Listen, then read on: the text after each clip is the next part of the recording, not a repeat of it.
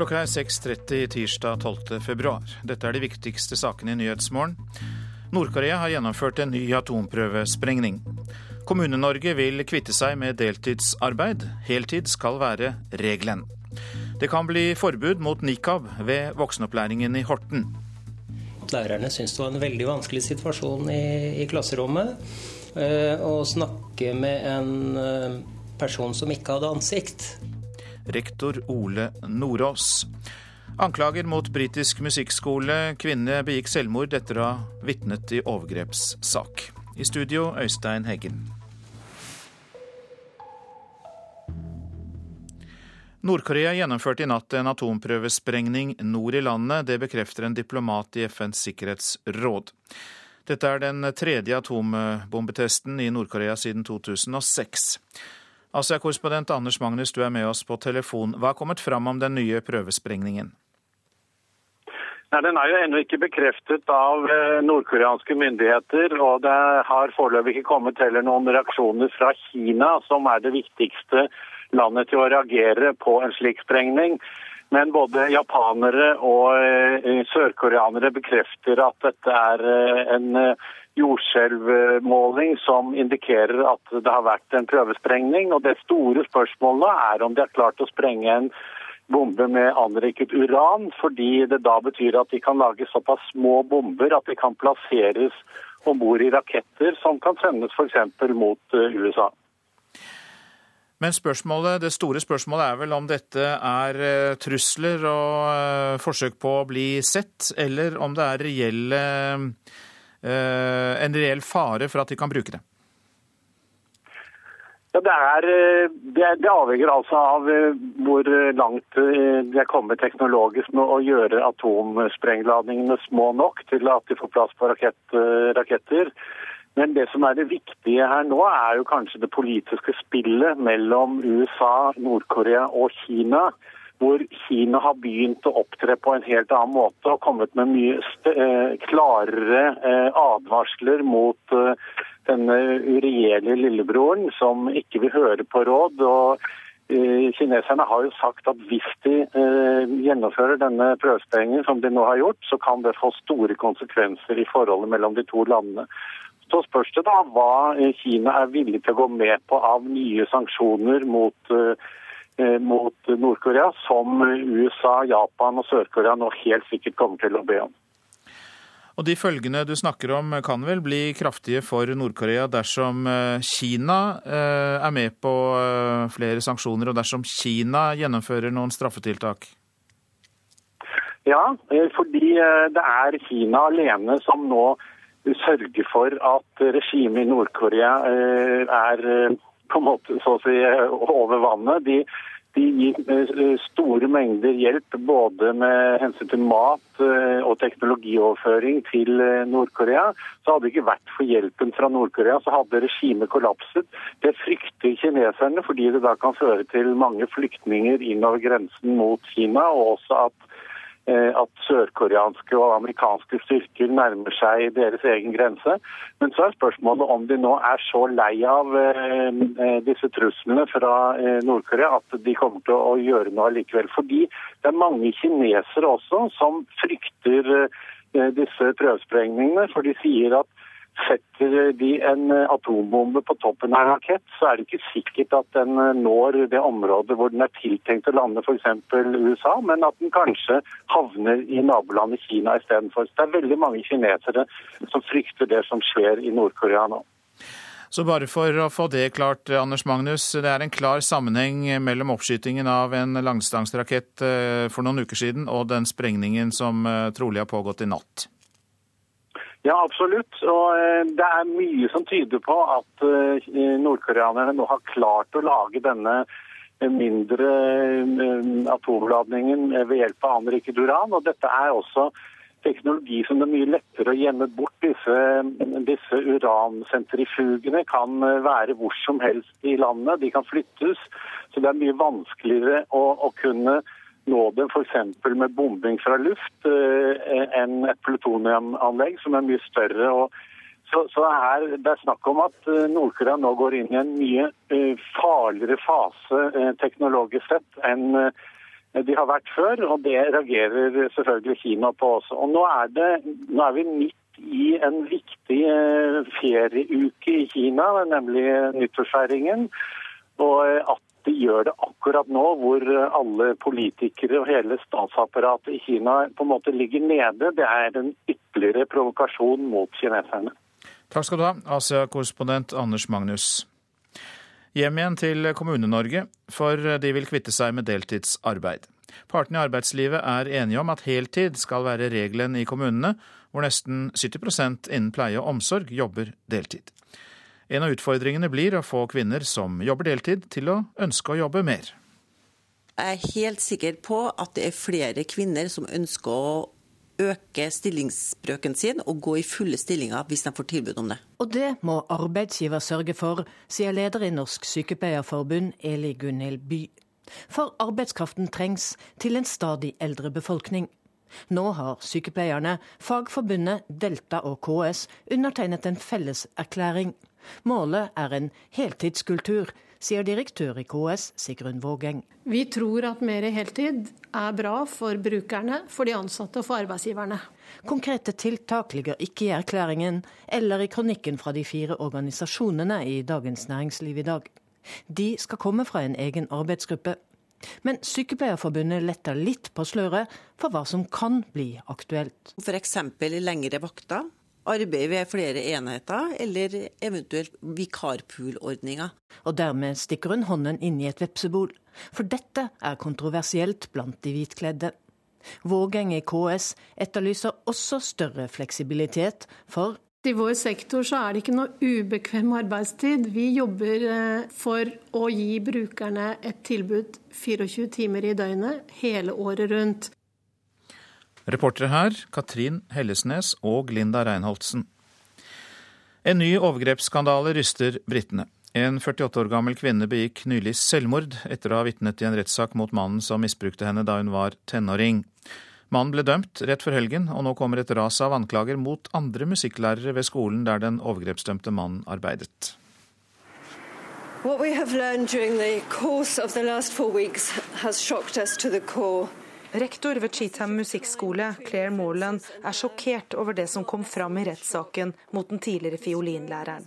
Han skal ha utnyttet en sårbar tenåringsjente som bodde på kostskolen på tidlig 80-tall, og innledet et seksuelt forhold til henne. Ved et tilfelle skal han også ha voldtatt henne, mens kona hans var til stede. Også hun ble dømt for medvirkning. These crimes are appalling, and it's only right they have now been convicted. Fryktelige handlinger, sier David Pester i Manchester-politiet. Han roser offeret, den 48 år gamle firebarnsmoren og fiolinisten, som etter 30 år tok bladet fra munnen i rettssaken mot musikklæreren. Men det motet kostet. Før domsavsigelsen ble hun funnet død. On behalf of Greater Manchester Police, I'd like to offer my sincere condolences and sympathies to her family and friends. Dødsfallet har ført til kritikk mot rettssystemet for å ha presset henne for hardt.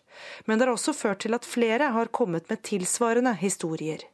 To andre lærere ved den samme skolen i samme tidsperiode anklages for å ha misbrukt unge musikkstudenter. Ti anonyme kvinner har fortalt avisa The Guardian om én av lærerne. Han skal ha tatt det med seg hjem for undervisning der i helger og ferier. Han skal ha forlangt at de øvde nakne, og han skal ha utnyttet dem seksuelt. Den nåværende rektoren har hatt fokus på barnas ve og vel.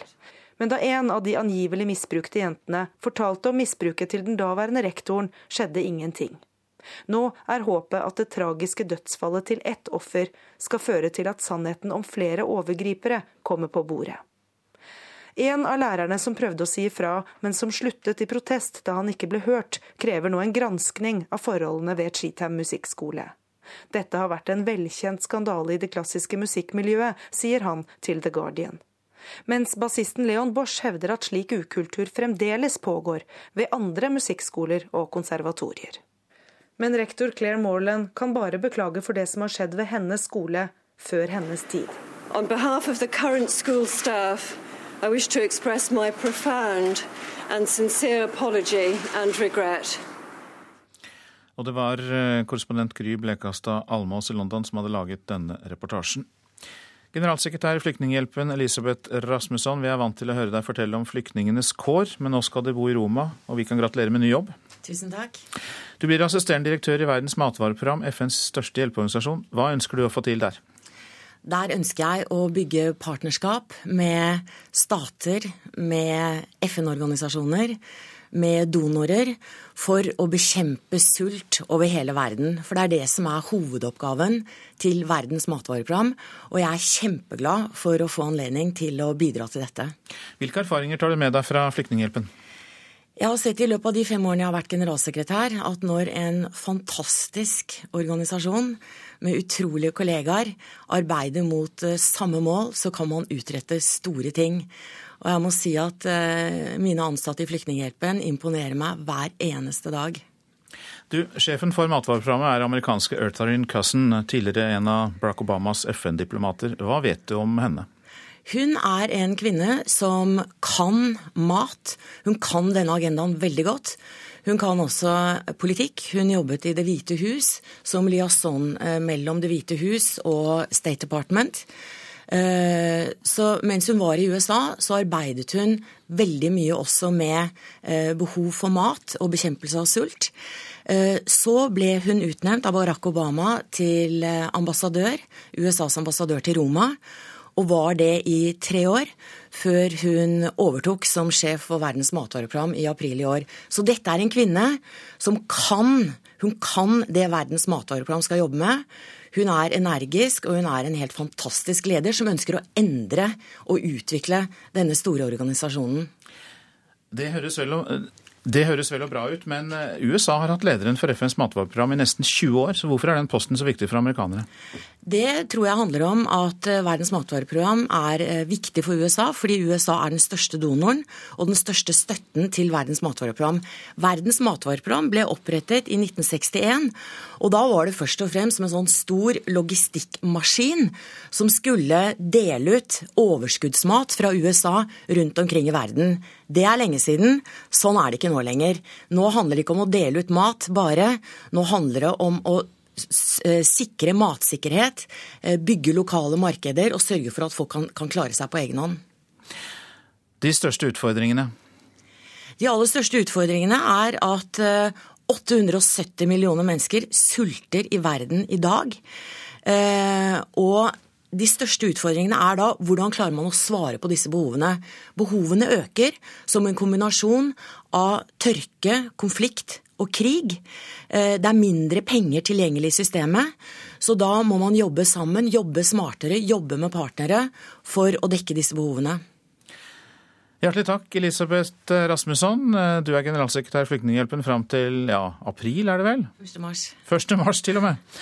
Og deretter blir du assisterende direktør i Verdens matvareprogram og flytter til Roma. Takk skal du ha. Tusen takk. Nå skal vi titte litt på avisene. Paven går inn for landing, er oppslaget i Vårt Land. Den katolske biskop i Norge, Bernt Eidsvik, tror pave Bendik den 16. vil bli husket for sin kamp mot overgrep, og at de ikke skal tolereres, og at de ansvarlige må stå til rette. Ti kandidater kan fylle pavestolen, skriver Aftenposten, som presenterer de mest sannsynlige. Det åpner for en ikke-europeisk pave, skriver avisa.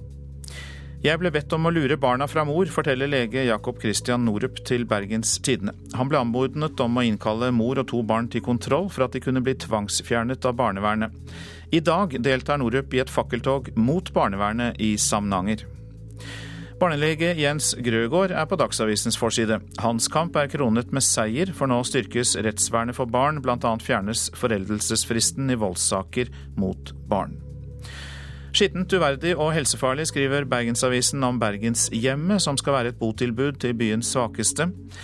Helsevernetaten beskriver blod oppover veggene, toaletter uten såpe og dopapir og elendig renhold på kjøkken og felles rom. VG skriver om medisiner med ukjente bivirkninger. 60 medisiner for diabetes, revmatisme, benskjørhet og epilepsi skal nå overvåkes. Kriminelle rekrutterer høyskoleutdannede, skriver Dagsavisen. Aktører bak nettbankbedragerier i Norge er tilknyttet høyskoler og universiteter i Russland og Ukraina. Færre kommuner om ti år, skriver Adresseavisen. Én av tre kommuner i Midt-Norge en av tre ordførere i, tre, i kommuner i Midt-Norge tror deres kommune blir slått sammen med en annen i løpet av ti år. Liv Signe Navarsete tok oppgjør med Senterpartiets oljetilhengere, skriver Nasjonen. Hun argumenterte sterkt mot egen nestleder på landsstyremøtet. Oljesmell for Ola Borten Moe er Klassekampens oppslag. Fylkeslederne avviste blankt hans forslag. Fotballaget Start vraker det lokale ølet fra Kristiansands Bryggeri, er oppslaget i Fedrelandsvennen. Bare danske Carlsberg skal selges på Sør Arena. En beslutning tatt med hjernen, ikke med hjertet, sier sponsorsjef i Start, Ketil B. Stensrud. Krangel om fotball, ære og selvbilde er Dagbladets oppslag om krangelen mellom forfatter og prinsessegemal Ari Behn og TV 2-profil Davy Vatne.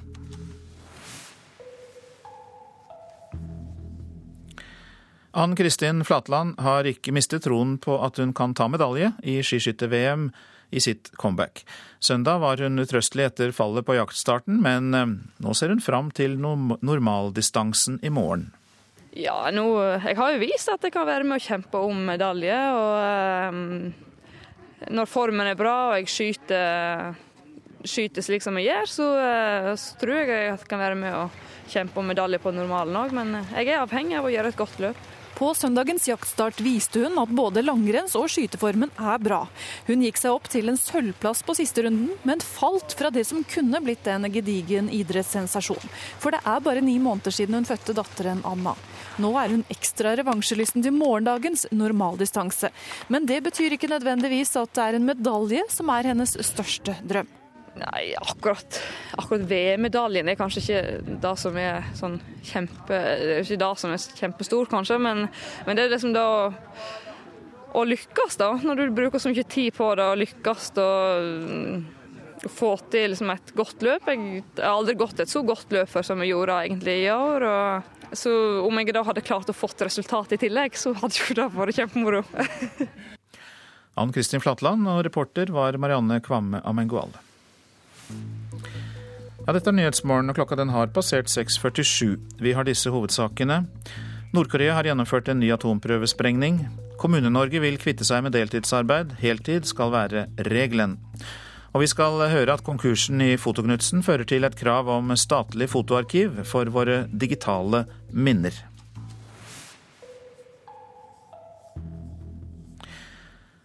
Men først om voksenopplæringen i Horten i Vestfold, som kan komme til å forby elever å bruke nikab eller hodeplagg som helt eller delvis dekker ansiktet. Kommunen ba i fjor likestillings- og diskrimineringsombud Sunniva Ørstavik vurdere forslaget. Nå er konklusjonen klar. Et slikt forbud vil ikke være i strid med verken likestillings- eller diskrimineringsloven.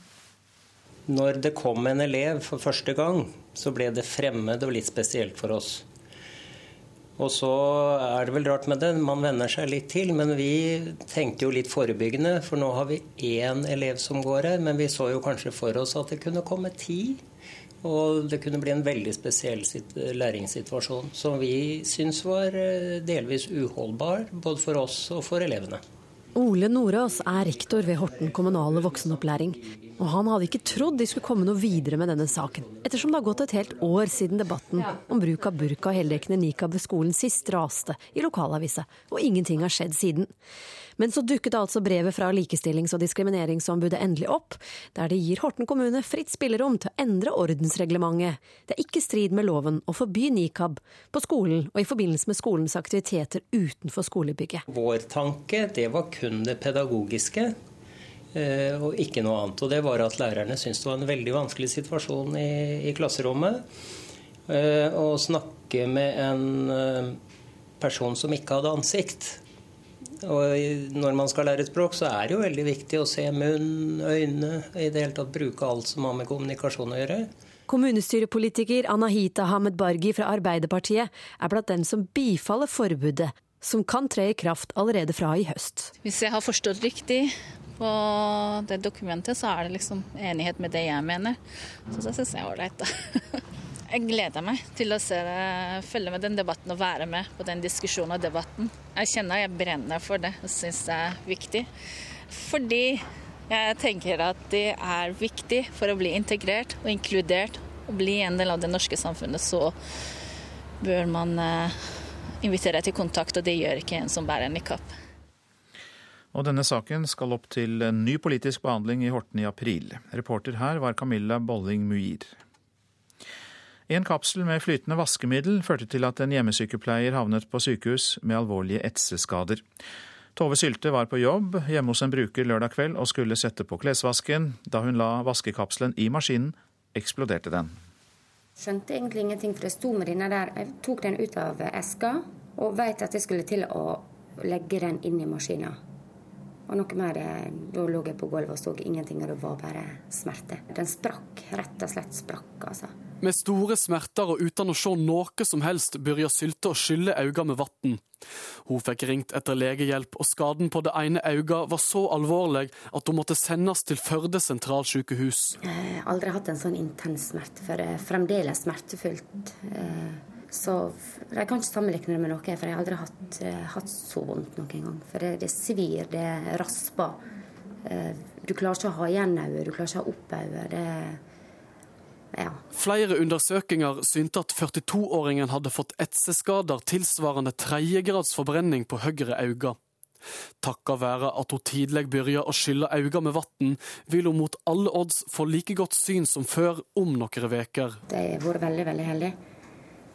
Og jeg kunne like godt ha sittet her med ikke syn på høyre øye i det hele tatt. Jeg har ikke hørt om noe tilsvarende hendelse med dette produktet, så dette er eh, for oss eh, underlig.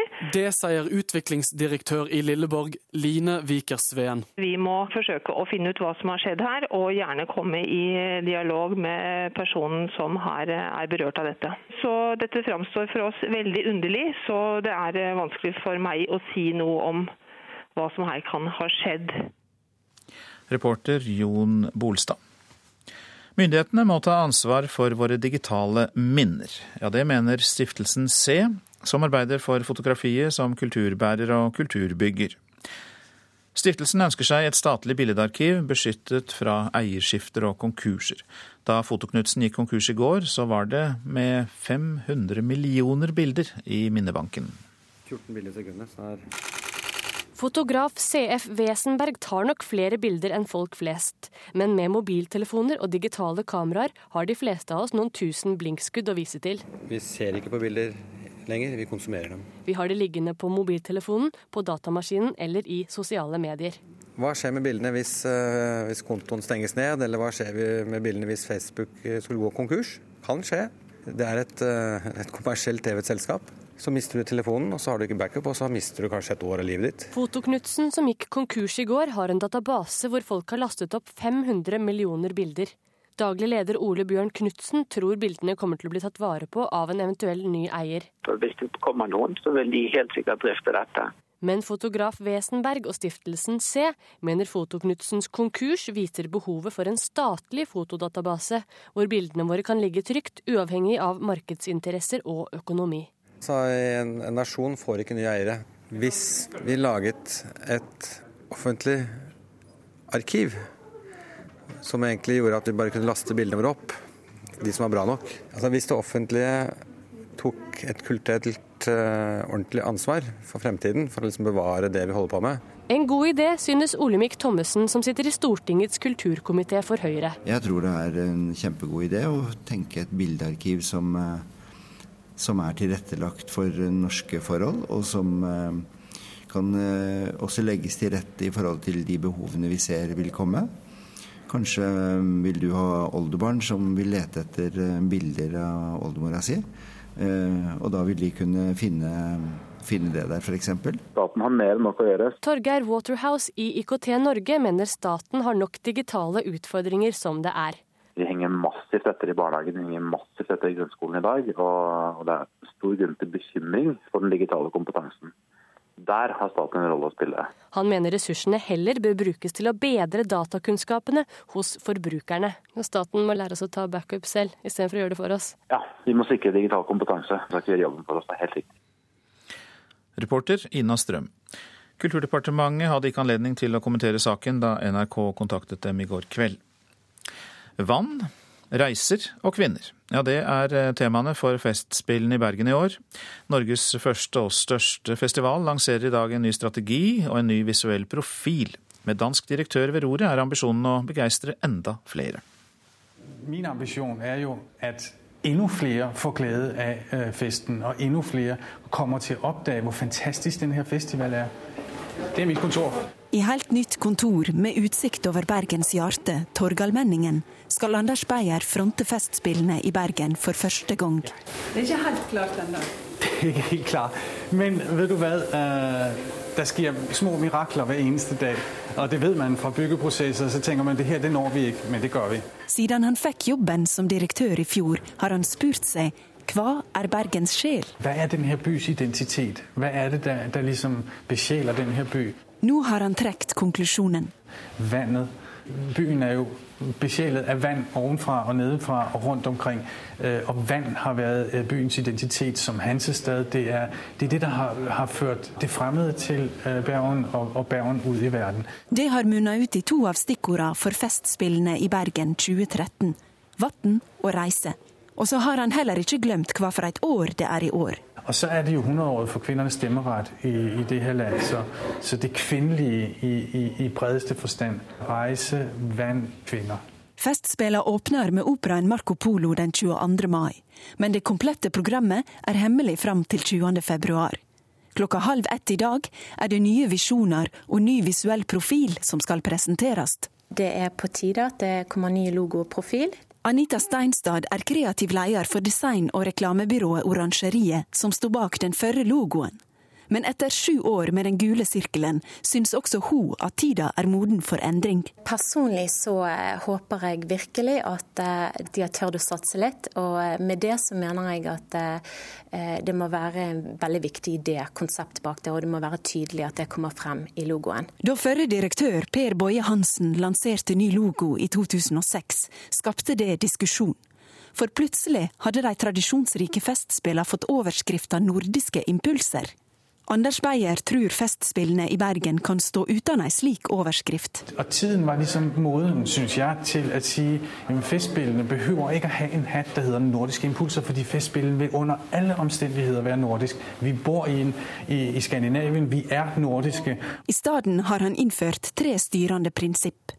Fornøyelse, forbindelse og forstyrrelse. Fornøyelser det er jo det, øh, de store opptrinn ute i gaten, det populære Forbindelser det er en, en, kanal som liksom henviser til vår store, stolte europeiske kulturtradisjon især. Forstyrrelser det er jo et interessant begrep, fordi når vi blir forstyrret, så blir vi, så blir vi brakt ut av vår uh, normale modus, kan man si. Så jeg vil gjerne pirre til den der nysgerrighet. Prøv, prøv å la deg forstyrre. Det er tre forskjellige veier inn i programmet, kan man si. Og ny logo og profil for Festspillene blir presentert på en pressekonferanse klokka 12.30 i dag. Reporter Turid Rogne.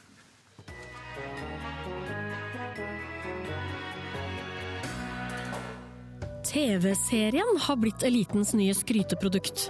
Den TV-serien det er mest populært å snakke om at man ser og liker nå om dagen, er det beinharde politikerdramaet House of Cards. I Radioselskapet skal vi se på hvordan den serien er en brikke i et maktspill i virkelighetens beinharde TV-bransje. Klokka 11 i P2.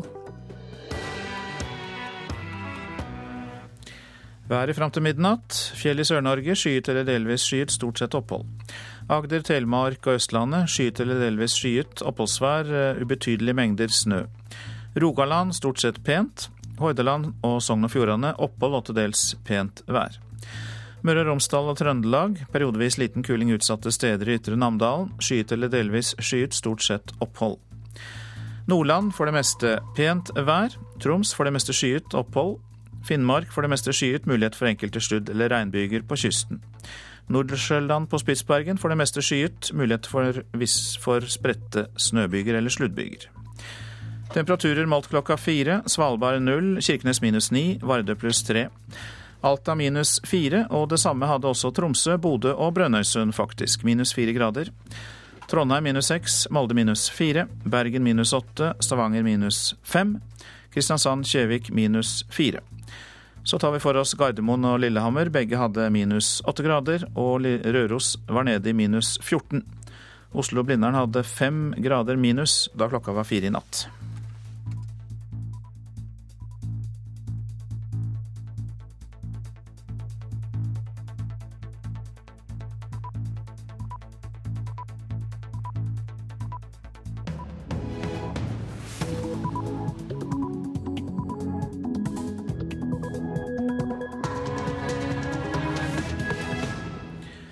Dermed er klokka blitt sju. Du lytter til Nyhetsmorgen. Her er Øystein Heggen i studio med en nyhetsoppdatering først.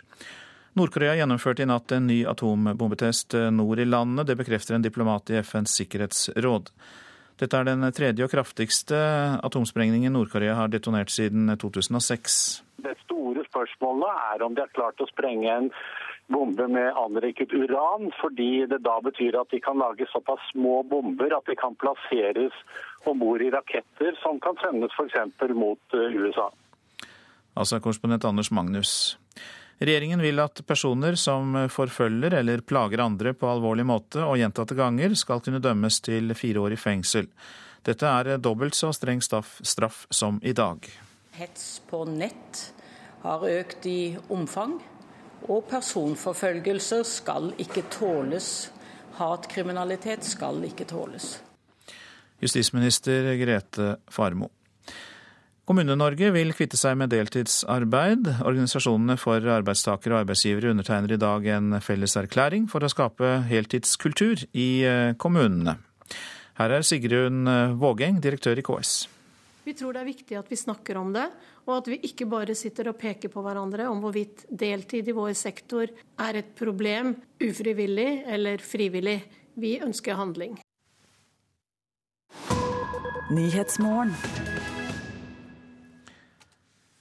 Nord-Korea bekrefter at de har gjennomført en atomprøvesprengning nord i landet. Det er den tredje atombombetesten i Nord-Korea siden 2006.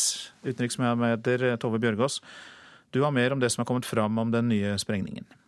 Ja, For bare noen minutter siden også bekrefter det nordkoreanske statlige nyhetsbyrået at denne prøvesprengningen har funnet sted, og sier at den er den kraftigste de har gjennomført så langt, og at den også er gjort altså med en mindre bombe, da, men med større sprengkraft. Eh, Sørkoreanske myndigheter har bekreftet at dette har skjedd, og det ble også målt et jordskjelv eh, i natt i området som skal måle eh, mellom 4,9 og 5,1 Eh, og, og, det gjør også at eksperter mener at de kan bekrefte at det har funnet sted. Vi har ikke hørt noen ting fra Kina ennå. Kina har advart eh, Nord-Korea mot å gjennomføre en ny sprengning, for denne sprengningen var varslet. Eh, amerikanerne sier nå eh, for første gang CA melder at de også er klar over at, at dette har skjedd, men de bare konstaterer at, at det har skjedd. Så det er ikke kommet så mange reaksjoner ennå, i og med at dette er ganske kort tid etter at eh, sprengningen foregikk? Det stemmer, og vi venter spesielt på hva Kina eh, sier, som altså har kommet med klare advarsler og er Nord-Koreas nærmeste allierte. Takk skal du ha, Tove Bjørgaas, i denne omgang i hvert fall. Seniorforsker ved NUPI, Norsk utenrikspolitisk institutt, Sverre Lodgaard, god morgen. Ja, eh, vi hørte dette med at det kanskje er en eh, kraftig sprengning og en mindre bombe, og hvilken betydning har det? De prøver å øke forholdet mellom sprengstyrke og vekt, eh, fremst ved å redusere vekta, slik at ladningene kan få plass på en rakett. For det er da først de har et eh, våpen. Og de er ikke der enda. Men eh, hvis de fortsetter, så kan jo fort Japan f.eks. komme innen rekkevidde. Amerikanske baser i, i stillehavsområdet også. Så der tas det sikkert forholdsregler. Og kineserne er bekymret. Så det er en klar sammenheng mellom oppskytingen av langdistanserakett for noen uker siden og det som skjedde i natt? Ja, dette må ses i, eh, i, sammenheng. Og sprengningen nå er jo da den kraftigste av de tre som er uh, utført så langt. Og så er det å, å, å merke seg at den første sprengningen i 2006 den ble foretatt på Columbus Day, altså den dagen man antar at Columbus kom til eh, Amerika. Den andre på Memorial Day, når USA hedrer sine falne. Det var våren 2009. Og nå faller den altså sammen med eh, Obamas State of the Union-tale, som skal holdes i, i dag. Så adressaten politisk eh, er nå som før primært USA. Hva forteller dette deg om eh, den nye ledelsen i landet, altså landets relativt nye unge leder Kim Jong-un? At han på dette feltet fortsetter i, eh, i farens fotspor. Eh, som far Kim Jong-il, så sønn Kim Jong-un. Koreografien, fremgangsmåten, er det samme. Men hvilken risiko ligger i dette, hvis du kan gå litt mer i detalj her? Hvis de altså klarer å lage kraftigere bomber og, og likevel få de mindre og plassere dem på langdistanseraketter? Ja, så kommer eh, naturligvis Japan og USA i samarbeid til å styrke sitt rakettskjold. Det bekymrer Kina. Fordi at dette er tiltak som også har adresse i realiteten Kina. Man kan skylde på Nord-Korea, men det er like så mye Kina som er, som er adressat for, for, dette. Der ligger en stor kinesisk bekymring. Samtidig vil ikke kineserne at eh, regimet skal kollapse. Særlig ikke nå som USA eh, forflytter seg til Asia, politisk og, og militært. Eh, Nord-Korea er jo en buffer.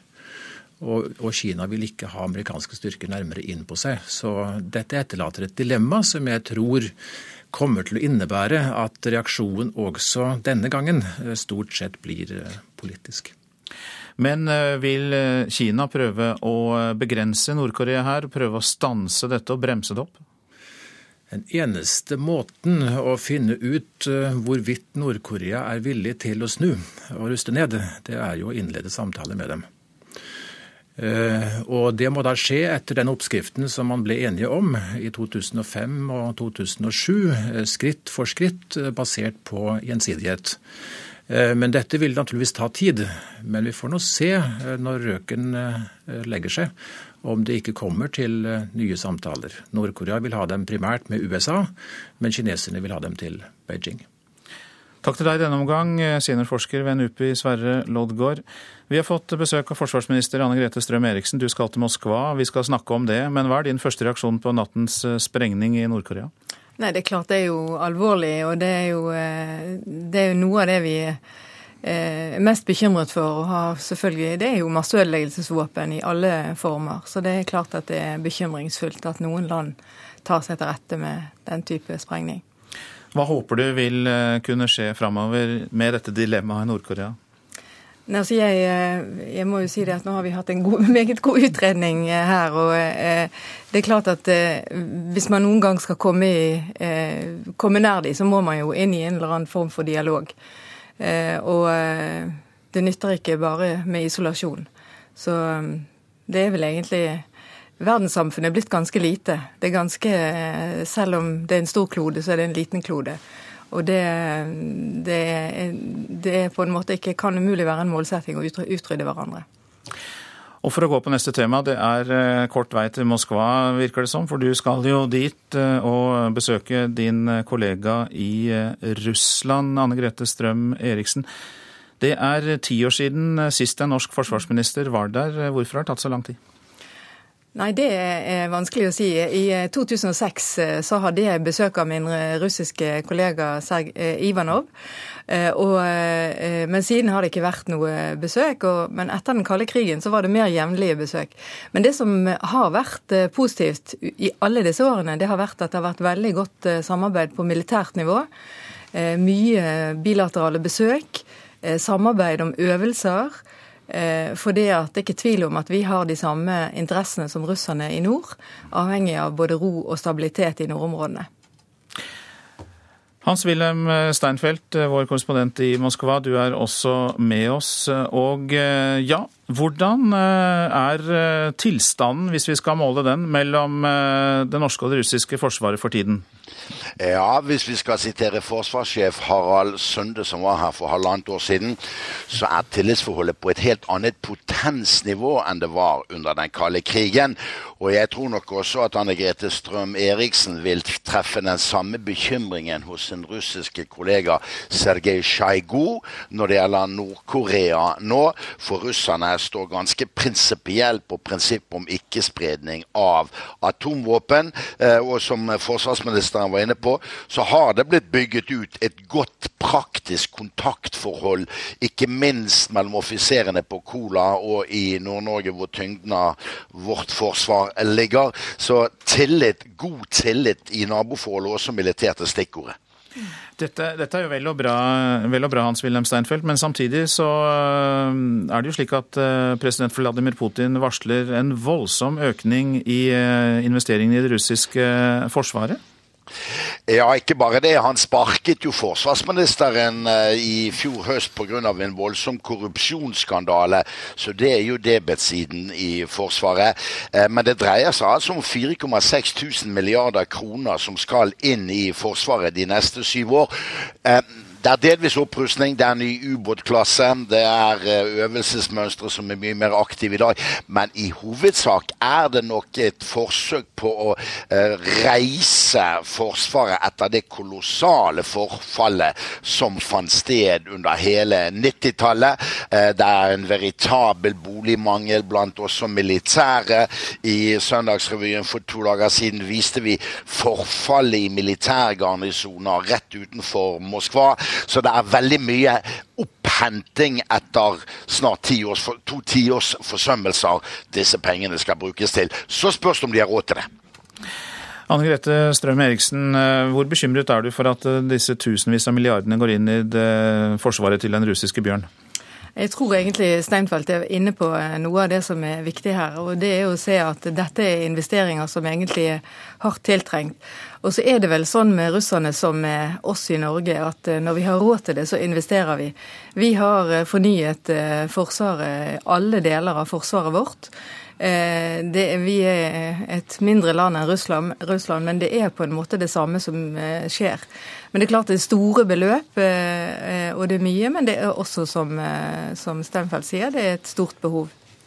Men dette er jo da på det store makroplanet. La oss gå ned til det konkrete samarbeidet mellom FSB, som har ansvaret for russisk kystvakt og fiskerioppsyn, og Norge. Det skjer jo ikke uten friksjon. Skal du ta opp det? Det er klart vi kommer til å snakke om uh, ulike temaer. Jeg skal både to dager til Russland og så skal jeg to dager til St. Petersburg. Uh, og det er naturlig at det kommer, at det kommer opp, uh, fordi Og det har jeg jo hatt samtaler Det hadde jeg sist når jeg hadde møte med min russiske kollega. Men igjen så er det slik at vi har på en måte samme interesser. Vi har interesser om å ha en bærekraftig utvikling også når det gjelder fiskeriene.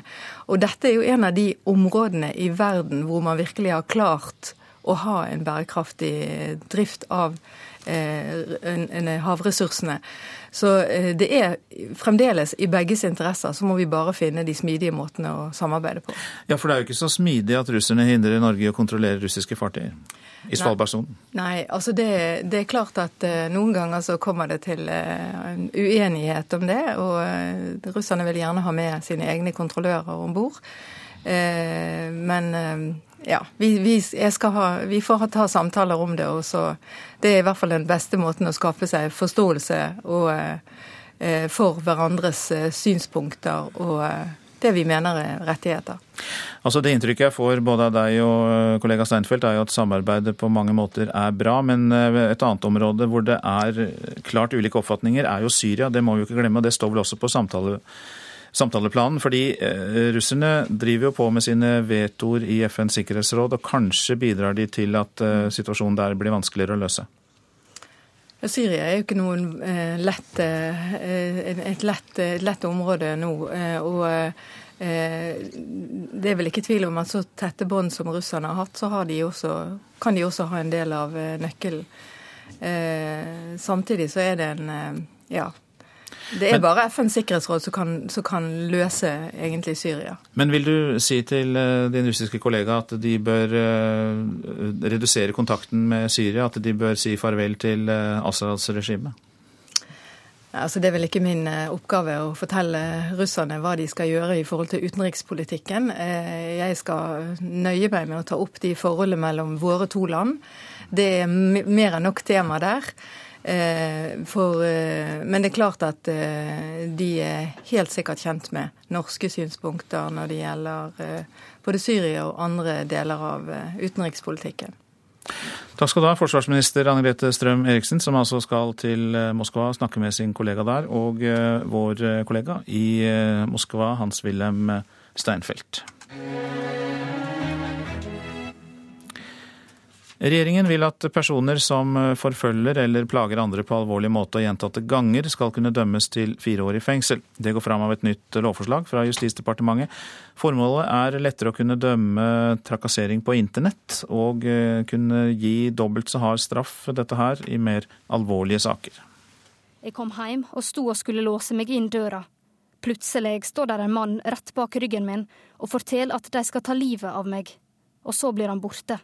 Det har holdt på i snart fem år, etter at hun gikk fra sin tidligere samboer. Da han ble pålagt besøksforbud, begynte han å sende andre personer for å terrorisere henne. Jeg prøver å leve med det, og jobber med å ta hver dag som den kommer. Nå har jeg kommet så langt at tek de livet av meg, så tek de livet av meg. Det får jeg ikke gjort noe med. Regjeringen ønsker nå å øke strafferammene. Før har denne type trakassering gitt maks to år. Nå kan alvorlig og gjentagende forfølgelse gi fire. Også dersom du medvirker til dette.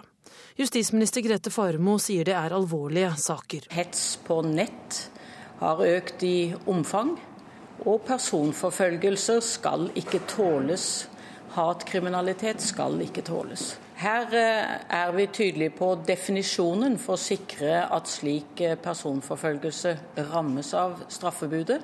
Det er ikke synlig for omgivelsene, og nettopp derfor er det kanskje vanskelig da for omgivelsene å forstå at dette er så alvorlig som det er, og at det kan skape så alvorlige helseplager som det faktisk kan. Psykiatrispesialist Kjersti Naru har snart avsluttet en forskning på området. Foreløpig viser tall basert på internasjonale undersøkelser at mellom 10 og 15% blir forfulgt på et eller annet vis. Hun går ut ifra like høye tall her hjemme. Ja, Vi har foretatt en eh, undersøkelse høsten 2011, og tallene fra Norge, norske menn og kvinner mellom 20 og 60 år, tyder på de samme tallene her som internasjonal forskning har vist. Hva er det som eh, gjør at eh, denne formen for psykisk terror blir så alvorlig? Den blir jo alvorlig fordi du er alene om å kjenne den, alene om å se den. Altså du, du, blir trakassert, du blir forfulgt, men du kommer ikke med en eh, blåveis eller et eh, brukket håndledd, slik at andre kan se at du faktisk har vært utsatt for alvorlig overgrep når man da får en lovendring, så kan det være med på å si noe tilbake til offentligheten at dette tar vi alvorlig. Lovforslaget blir spesielt aktuelt med tanke på hvor enkelt det har blitt å trakassere folk over nettet, mener justisminister Grete Faremo. Jeg tror den virtuelle personforfølgelsen kan være like hard som den eh, som eh, har hittil funnet sted eh, i det virkelige liv. Reporter her, det var Ellen Borge Christoffersen. Klokka den har passert 7.17. Dette er hovedsaker. Nord-Korea har sprengt sin hittil kraftigste atomladning. Det er den tredje atomladningen fra Nord-Korea siden 2006. Regjeringen vil at personer som forfølger eller plager andre på alvorlig måte og gjentatte ganger, skal kunne dømmes til fire år i fengsel. Dobbelt så streng straff som i dag, som vi altså hørte nettopp. Og Kommune-Norge vil ha mindre deltidsarbeid. Arbeidstakere og arbeidsgivere inngår avtale om mer heltid i dag.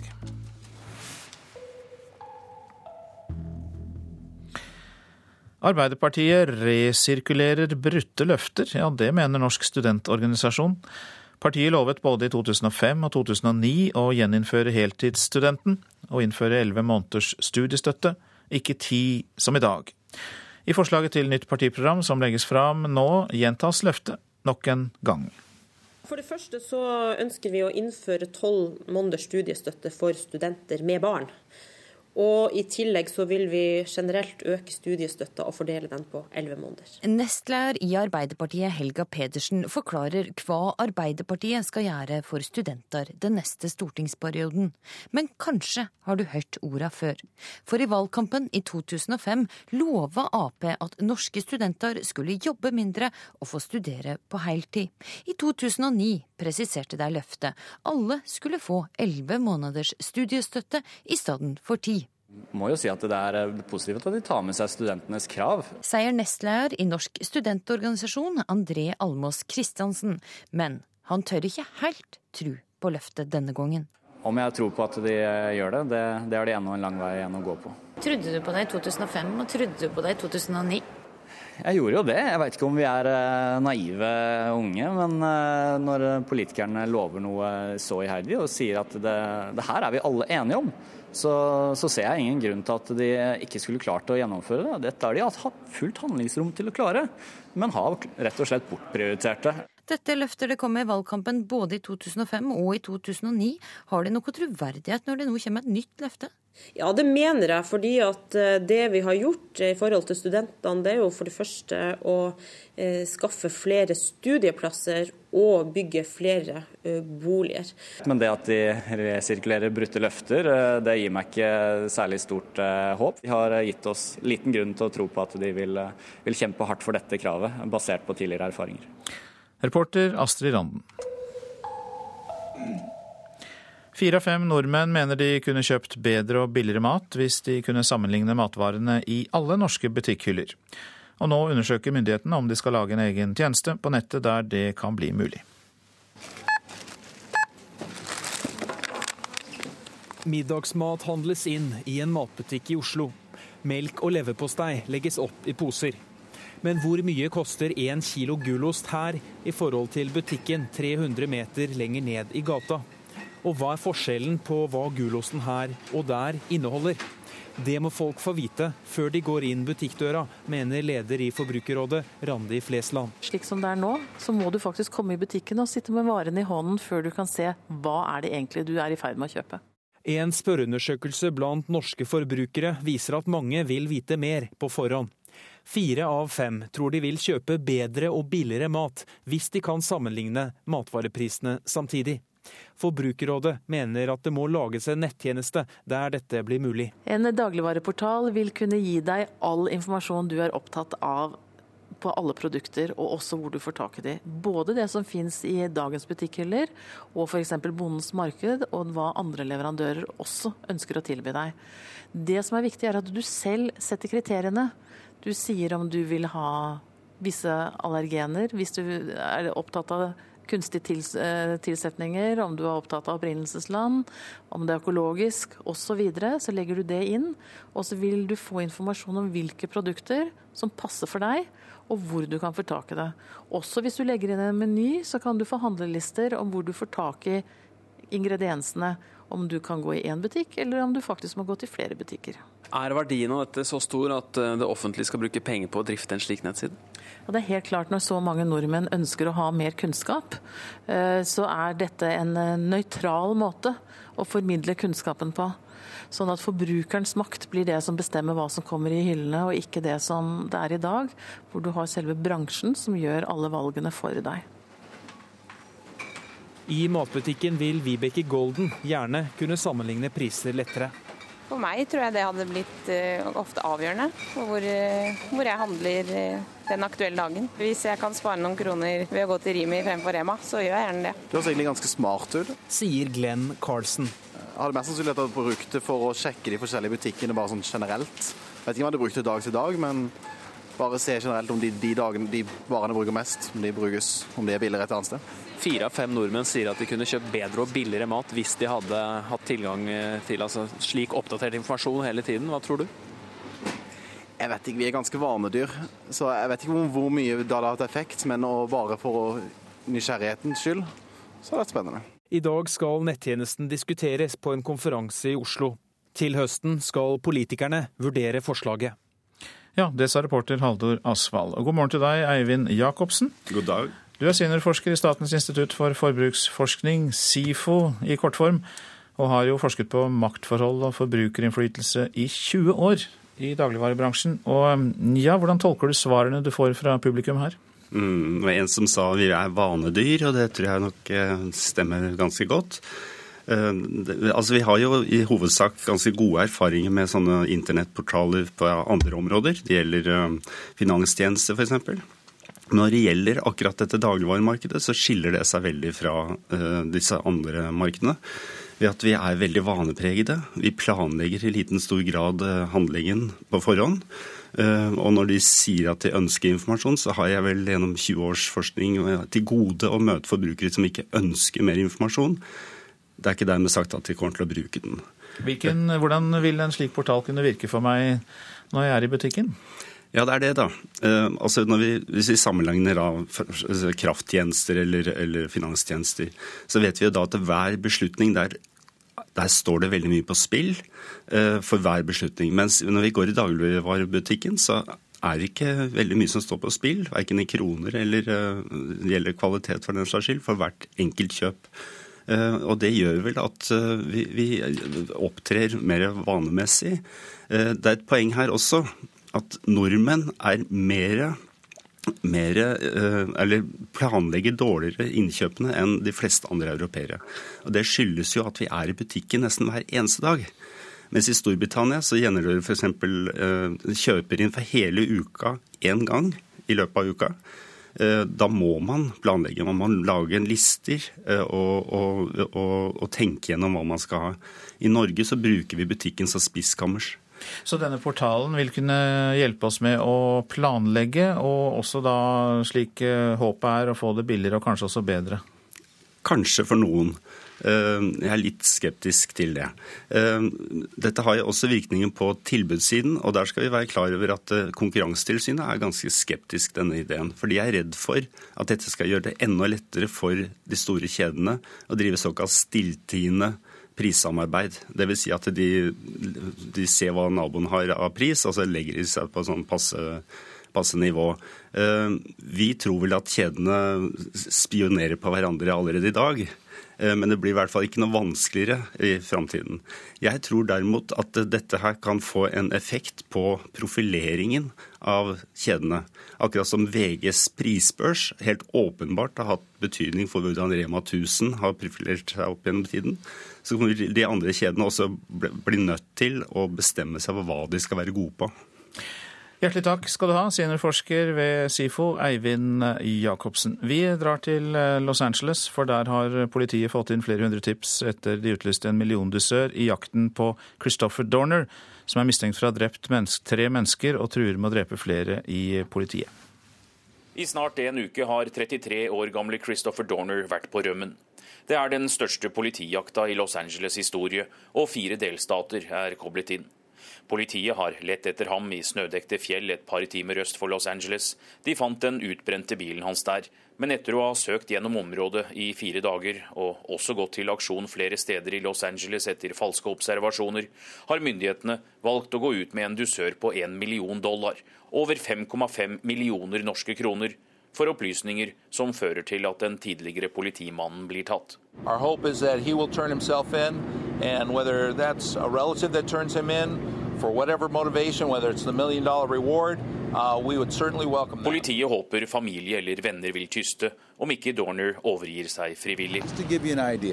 Christopher Dorner, som ble sparket fra politikorpset i Los Angeles for fem år siden, har i et manifest truet med å drepe ansatte i politiet og familiene deres. 50 politiansatte får nå ekstra beskyttelse. Personalsaken mot ham skal være grunnen til raseriet og drapstoktet. Han mener han ble sparket fordi han anga en kollega og varslet om politivold. Nå har politiet avgjort at personalsaken skal gjenåpnes, slik at publikum ikke skal mistenke politiet for å beskytte sine egne. Skarpskytteren ble i går formelt tiltalt for å ha drept en politikollega. 33-åringen mistenkes også for å ha drept et ektepar, som kobles til at han mistet jobben. I tiltalen står det også drapsforsøk på tre andre politifolk. Etter at dusøren ble utlovet søndag, har etterforskerne fått inn over 600 tips om hvor Christopher Dorner kan oppholde seg. Men foreløpig er det få spor etter den mistenkte trippeldrapsmannen i California. Anders Tvegård, Washington. Og på tampen så tar vi med oss eh, noen glimt fra dagens aviser. Paven går inn for landing, er oppslaget i Vårt Land. Den katolske biskop i Norge, Bernt Eidsvik, tror pave Bendik den 16. vil bli husket for sin kamp mot overgrep, og at de ikke skal tolereres. Ti kandidater kan fylle pavestolen, skriver Aftenposten, som presenterer de mest sannsynlige. Det åpner for en ikke-europeisk pave, skriver avisa. Jeg ble bedt om å lure barna fra mor, forteller lege Jakob Christian Norup til Bergens Tidende. Han ble anmodet om å innkalle mor og to barn til kontroll for at de kunne bli tvangsfjernet av barnevernet. I dag deltar Norup i et fakkeltog mot barnevernet i Samnanger. Barnelege Jens Grøgaard er på Dagsavisens forside. Hans kamp er kronet med seier, for nå styrkes rettsvernet for barn. Annet fjernes foreldelsesfristen i voldssaker mot barn.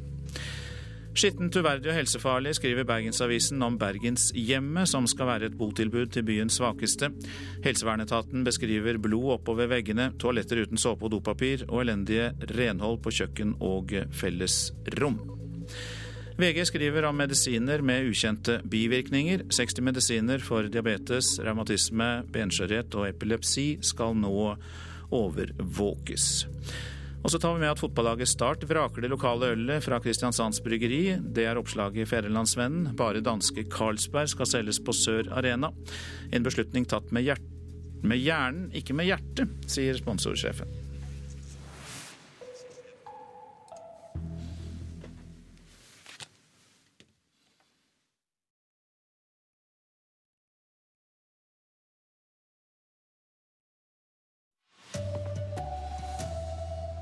FN skal holde krisemøte etter at Nord-Korea prøvesprengte en atomladning i natt. Folk som trakasserer og forfølger skal straffes hardere, mener justisministeren. Og kvinner som jobber deltid må ønske å jobbe mer dersom vi skal bli kvitt deltidsstillinger i kommunene. Her er NRK Dagsnytt, klokka er 7.30. Nord-Korea gjennomførte i natt en atomprøvesprengning nord i landet. Det bekrefter nordkoreanske myndigheter for en halv time siden. Og Asia-korrespondent Anders Magnus, hva kan du fortelle om det som har skjedd? Nordkoreanerne sier at de har sprengt en liten eh, atombombe under jorda. Den er liten i størrelse, men eh, stor i sprengkraft. Og det er den eh, sterkeste de har sprengt av de tre bombene de hittil har eh, fått til. Og reaksjonene har jo vært sterke, særlig fra Japan og Sør-Korea, som jo er de nærmeste landene som kan være utsatt for denne trusselen. Hva Kina eh, sier, har vi ennå ikke fått vite. Det har ennå ikke kommet noen offisielle reaksjoner fra kineserne. Ja, hva sier Japan og Sør-Korea? De tar sterkt avstand fra dette, selvfølgelig. og det forventes nå at det blir innført sterkere sanksjoner fra FNs sikkerhetsråd mot Nord-Korea. Hva Kina kommer til å si i den forbindelse, er det mest spennende her. Fordi kineserne har jo på forhånd advart Nord-Korea veldig kraftig mot å gjennomføre denne sprengningen. Men når de nå har gjort det likevel, så er spørsmålet kommer kineserne til å la dette passere, eller kommer de til å skru til hardere? Det er jo Kina som for en stor del holder hele dette regimet oppe med matvarehjelp og pengestøtte. Videre til deg, seniorforsker Sverre Loddgaard ved Norsk utenrikspolitisk institutt. Hva ønsker Nord-Korea å oppnå med denne sprengingen? De prøver, som Anders Magnus var inne på, å utvikle eh, ladninger som kan plasseres om bord på en rakett. For det er da først de har et eh, våpen. De er ikke der enda, men hvis de fortsetter, eh, så kan jo fort Japan og amerikanske baser i stillehavsområdet komme innen rekkevidde. Hva kan du si om tidspunktet for denne sprengningen?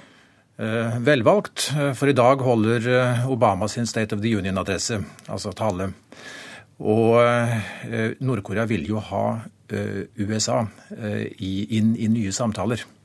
Det er det politiske siktemålet med dette her. Helst vil de at disse samtalene skal være bilaterale med USA, men kineserne vil ha dem til Beijing, så det er vel det mer sannsynlige hvis det, når røken har lagt seg, kommer dit hen. Vi hører at det kommer eh, sterke reaksjoner. Hva kan bli konsekvensene?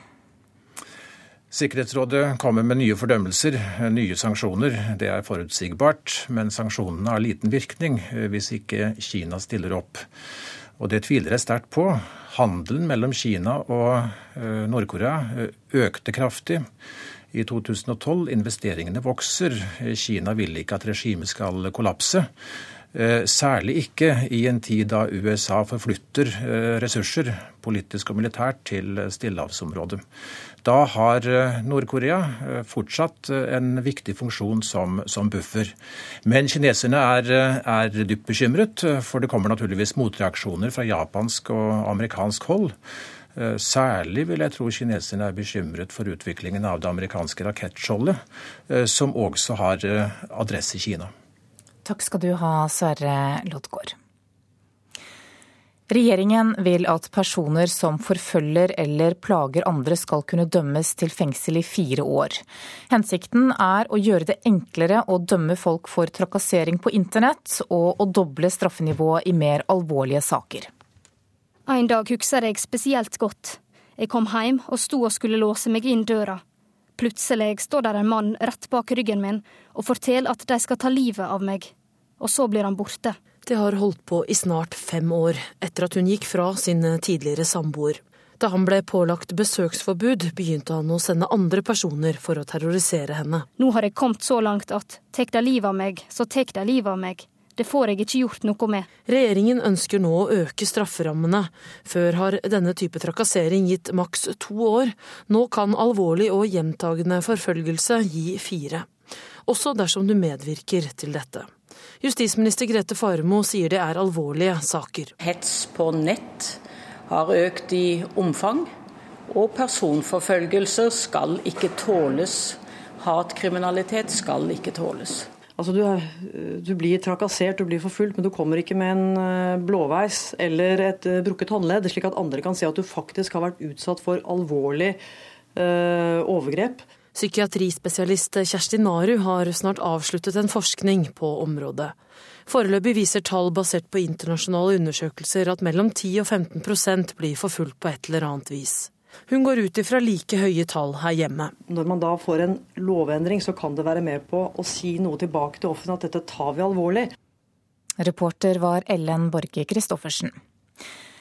En egen tjeneste på internett kan gjøre det mulig å sammenligne prisen på matvarer i alle norske butikkhyller samtidig. Myndighetene vurderer nå om dette skal bli et tilbud til deg og meg.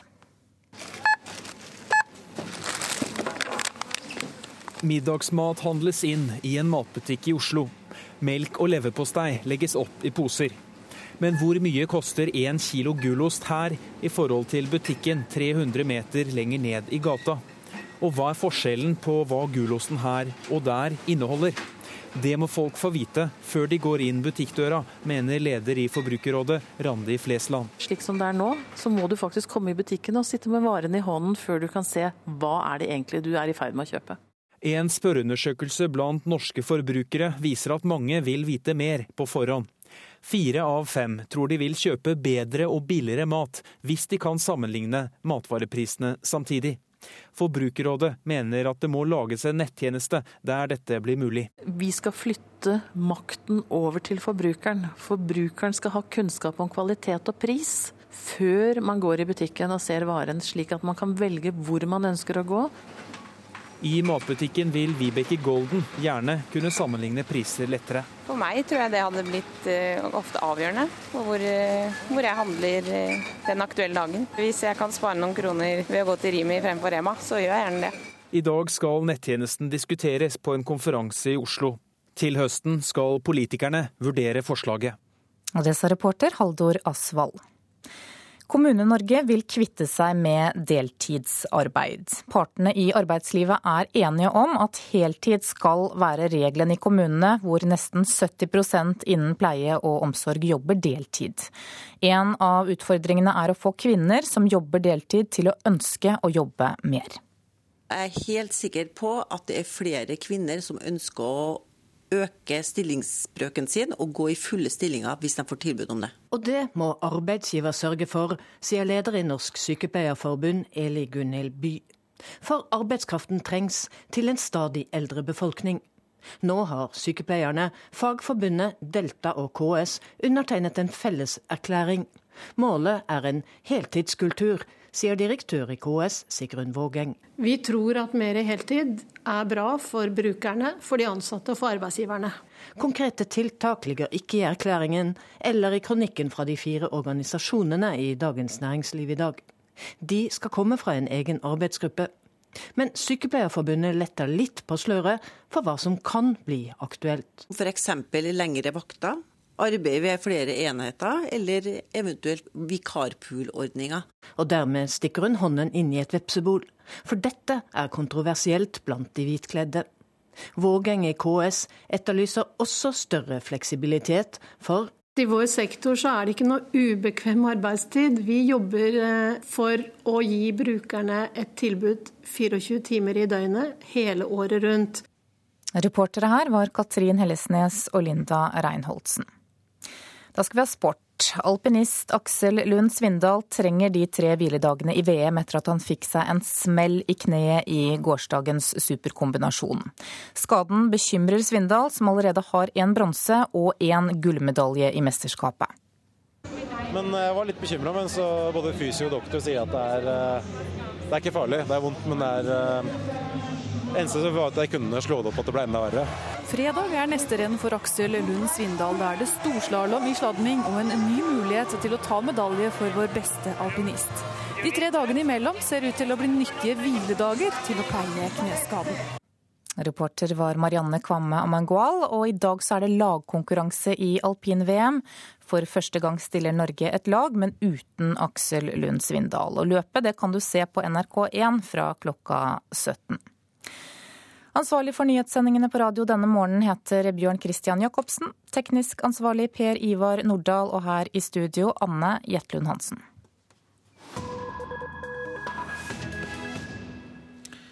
I kveld skal president Barack Obama holde sin årlige tale om rikets tilstand til Kongressen. Det skal vi høre mer om i Nyhetsmorgen.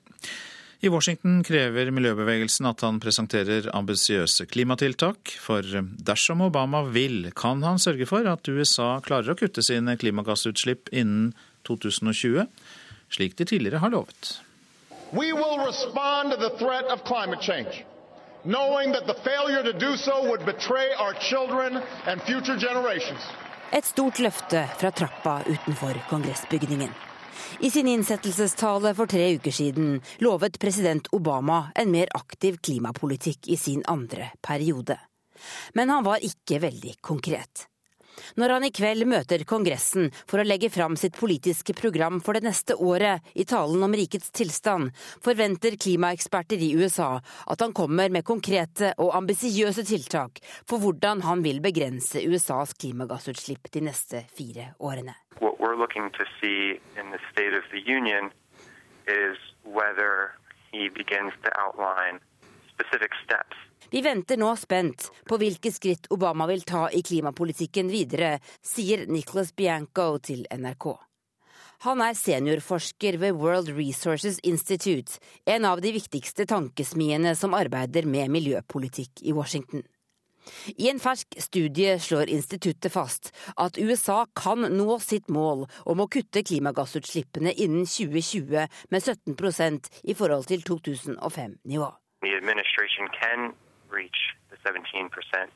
Administrasjonen kan nå dette målet uten at Kongressen vedtar noe som helst, sier Bianco. De siste fire årene har lovgiverne i Washington ikke klart å bli enige om noe som helst for å begrense amerikanske utslipp. Toneangivende politikere i det republikanske partiet hevder sågar at menneskeskapte klimaendringer er en bløff og det er lite trolig at den sittende kongressen vil gjøre klimapolitikk til en prioritet.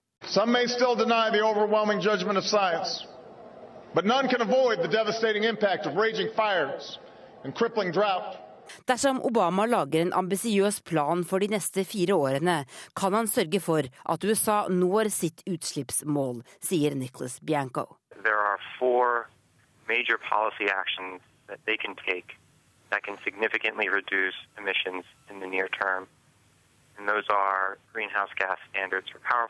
Det er fire tiltak administrasjonen kan iverksette som vil sørge for dette, sier han. De må sette nye og lavere utslippsgrenser for kraftverk, begrense bruken av kjemikalier i kjøleskap og klimaanlegg, og de kan sørge for at folk sparer strøm ved å sette nye standarder for energieffektivitet. Noe av det første Obama gjorde da han tiltrådte i 2009, var å lage en plan for hvordan bilparken i USA skal bli mer miljøvennlig. Innen 2025 skal utslippene fra amerikanske biler halveres ved at det settes nye krav til drivstoffeffektivitet.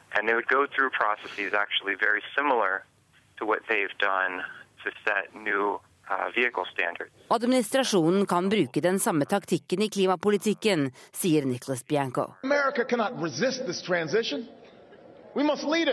USA må bli verdensledende i bruk av alternative energikilder, sa Barack Obama i innsettelsestalen.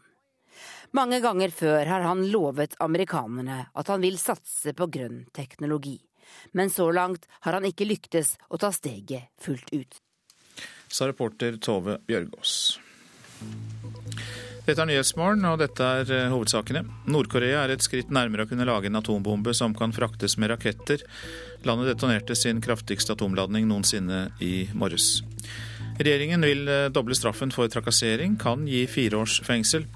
Og partene i Kommune-Norge inngår ny avtale for å få flere til å jobbe fulltid. Nå er det klart for Politisk kvarter. Lars Nehru Sand, du er programleder og skal snakke om store verdier. Vi skal snakke om formuesskatten, og så blir det debatt om alle foreldres små, store skatter.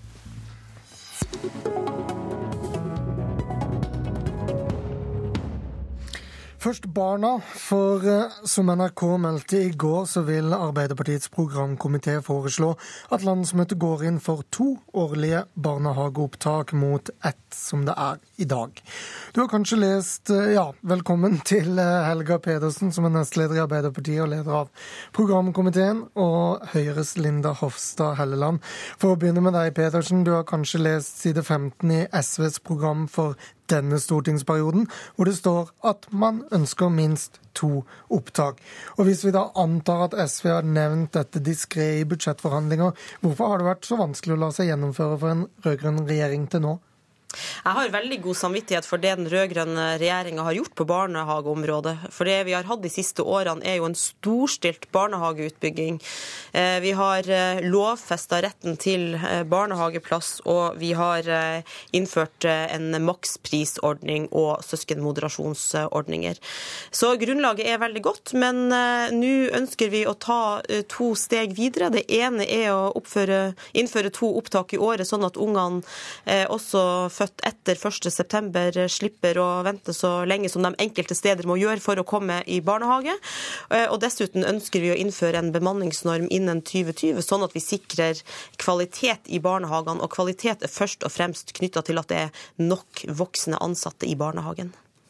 Dette høres ikke så ille ut, eh, Hofstad Nei, men det er et veldig press på kvalitet ute i eh, Kommune-Norge og i barnehagene. Og i 2012 så var antall klager på barnehager dobbelt som høy som eh, året før. Og det er foreldrene som klager mest på dårlig bemanning, på lav kvalitet. Eh, og Arbeiderpartiet har vært ute og lovt så mye på barnehage som ikke er gjennomført. Og da hadde jeg vært Holger Pedersen, så hadde jeg starta med å faktisk gjennomføre tidligere valgløfter, som f.eks. Eh, å sikre full barnehagedekning, oppfylle dagens pedagognorm, styrke innsatsen for kvalitet og kompetanseutvikling, sikre likebehandling. Så alle de tingene her som de har vært ute og lovt, som ikke er gjennomført. Og eh, vi er veldig bekymra for de løftene de kommer med, eh, at det er helt urealistiske løfter. Eh, samme som ikke sant, eh, full barnehagedekning. Det ser fint ut på papiret. Men når det kommer til realitetene, så hjelper det ikke småbarnsforeldre som ønsker en trygg og god barnehagehverdag for sine små. Her var det mye du skal få lov å svare på det, Pettersen.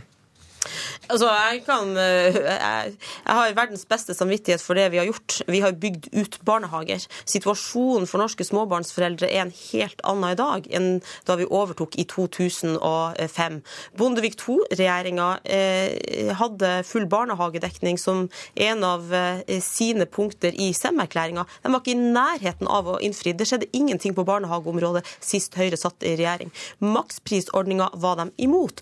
Og selv i sitt siste budsjett Eh, så økte de foreldrebetalinga i norske barnehager. Eh, retten til barnehageplass var jo Høyre også imot, så jeg skal ha meg frabedt og la meg eh, belære av Høyre i barnehagepolitikken. Så jeg er helt enig i at vi må satse tyngre på kvalitet. og Derfor vil vi gå i motsatt retning av Høyre. Vi vil innføre en bemanningsnorm, sikre at det er nok voksne, nok pedagoger i barnehagene. Og det står i sterk strid i det Høyre gjør i de kommunene der de styrer. Det siste de har gjort, det er jo å fjerne eh, bemanningsnormen i eh, Oslo. Men til eh, bemanningsnormsløftet deres. For det er altså sånn at hvis man venter noen år med å føde barn, så kan barnet nyte helt eller delvis godt av en, at det da blir flere voksne i barnehagen fra 2020. Men dere skriver, sitat, dere ønsker da nok voksne, flest mulig av dem med relevant utdanning, og en voksentetthet om lag på dagens nivå.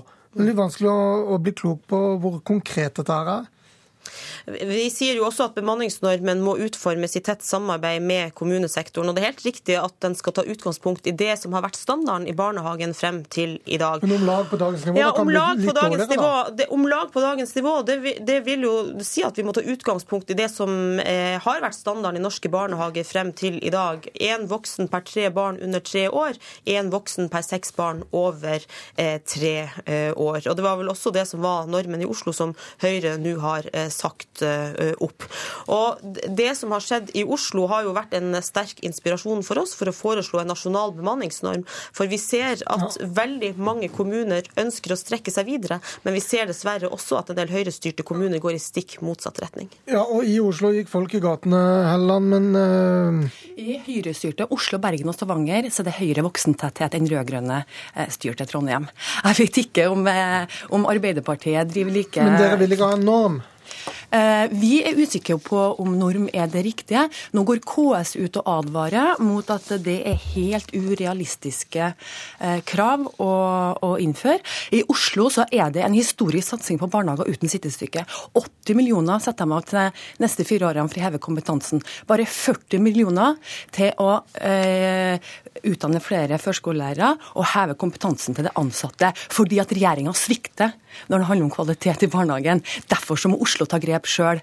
Høyre foreslo 150 millioner mer bare i år til å løfte de ansattes kompetanse. For den normen de snakker om, det er jo ikke før i 2020. Vi må gjøre noe med at kompetansen og kvaliteten er for lav i barnehagen i dag. Og det her hjelper jo, Forslagene til Arbeiderpartiet hjelper jo ikke dagens barnehagebarn. De er jo langt inn i skolen. Så det som Det er jo riktig, men det hjelper jo heller ikke med tanke på at man må utdanne disse jo, menneskene. det tar noen år, det. Jo, og det er jo for at de har feila i åtte år. Og hva skal Arbeiderpartiet greie på tolv år, som de ikke har greid på åtte år, når det gjelder å løfte kvaliteten i barnehagene? Det er jo fasa inn en del ansatte i norske barnehager de siste åtte årene. 6000 pedagoger står utenfor barnehagene. De har ikke klart å få tilbake dem. De har ikke satsa nok på gjenreisning rekrutteringsstrategier. De har ikke satsa på å løfte kompetansen til alle ansatte som jobber i barnehagen i dag. Sånn at det at Helga Pedersen sitter her og er bråkjekk og skryter av alt de har gjennomført, historien ut der er veldig annerledes. Hvis du snakker med barnehageeiere, hvis du snakker med kommunene, hvis du snakker med foreldre og ansatte i barnehagene, så er det et sånt press. Og ikke minst gjelder det i de rød-grønne kommunene. Eh, og derfor så eh, må eh, Helga Pedersen ta seg en, en sjekk med virkeligheten. Den historieskrivinga som Arbeiderpartiet skriver nå om barnehagene, den stemmer ikke med virkeligheten. Pedersen, bare til det aller siste. Hva vil du gjøre for at de som utdanner seg til å jobbe i barnehage, faktisk begynner å jobbe i barnehage? Ja, Det de ansatte har vært, eh, både Fagforbundet og Utdanningsforbundet har vært veldig tydelige på, det er jo at eh, gode, sterke fagmiljø er veldig viktig for at eh, førskolelærerne og annet fagpersonell blir i barnehagene. Og det å sikre at det er nok voksne på jobb, for ellers blir det fryktelig slitsomt. Du får ikke tid til å ta deg av ungene, og du klarer ikke å gi det beste tilbudet. Og Derfor Derfor eh, er det vi tar til orde for en bemanningsnorm. Og så er det sånn at eh, vi foreslår, i tråd med Øie-utvalget som har utreda det her, foreslår å innføre den eh, til 2020, sånn at vi har tid til å rekruttere, utdanne, etter- og videreutdanne alle de folkene vi trenger i sektoren. Men hvorfor skal dere nok en valgkamp kaste mer penger etter småbarnsforeldrene når dere ikke har råd til elleve måneders studiestøtte, tannhelsereform, varm lunsj på skolene eller brukerstyrt personlig assistent? Politikk handler jo om eh, prioritering. Og det er jo sånn at eh, for eh, de foreldrene som har barn født etter 1.9, og som ikke får barnehageplass, så er det på en måte en fattig trøst at alle de andre får barnehageplass. Og vi mener det er riktig både av hensyn til barna å gi dem en best mulig start i livet, men også av hensyn til foreldrene som veldig sterkt ønsker å bidra i norsk arbeidsliv, så er det her et riktig skritt videre. Og så skal vi gjøre en god jobb på veldig mange andre områder òg. Skole, forskning, helse og eldreomsorg. Tusen takk til dere, Linda Hofstad Helleland fra Høyre og nestleder i Arbeiderpartiet, Helga Pedersen.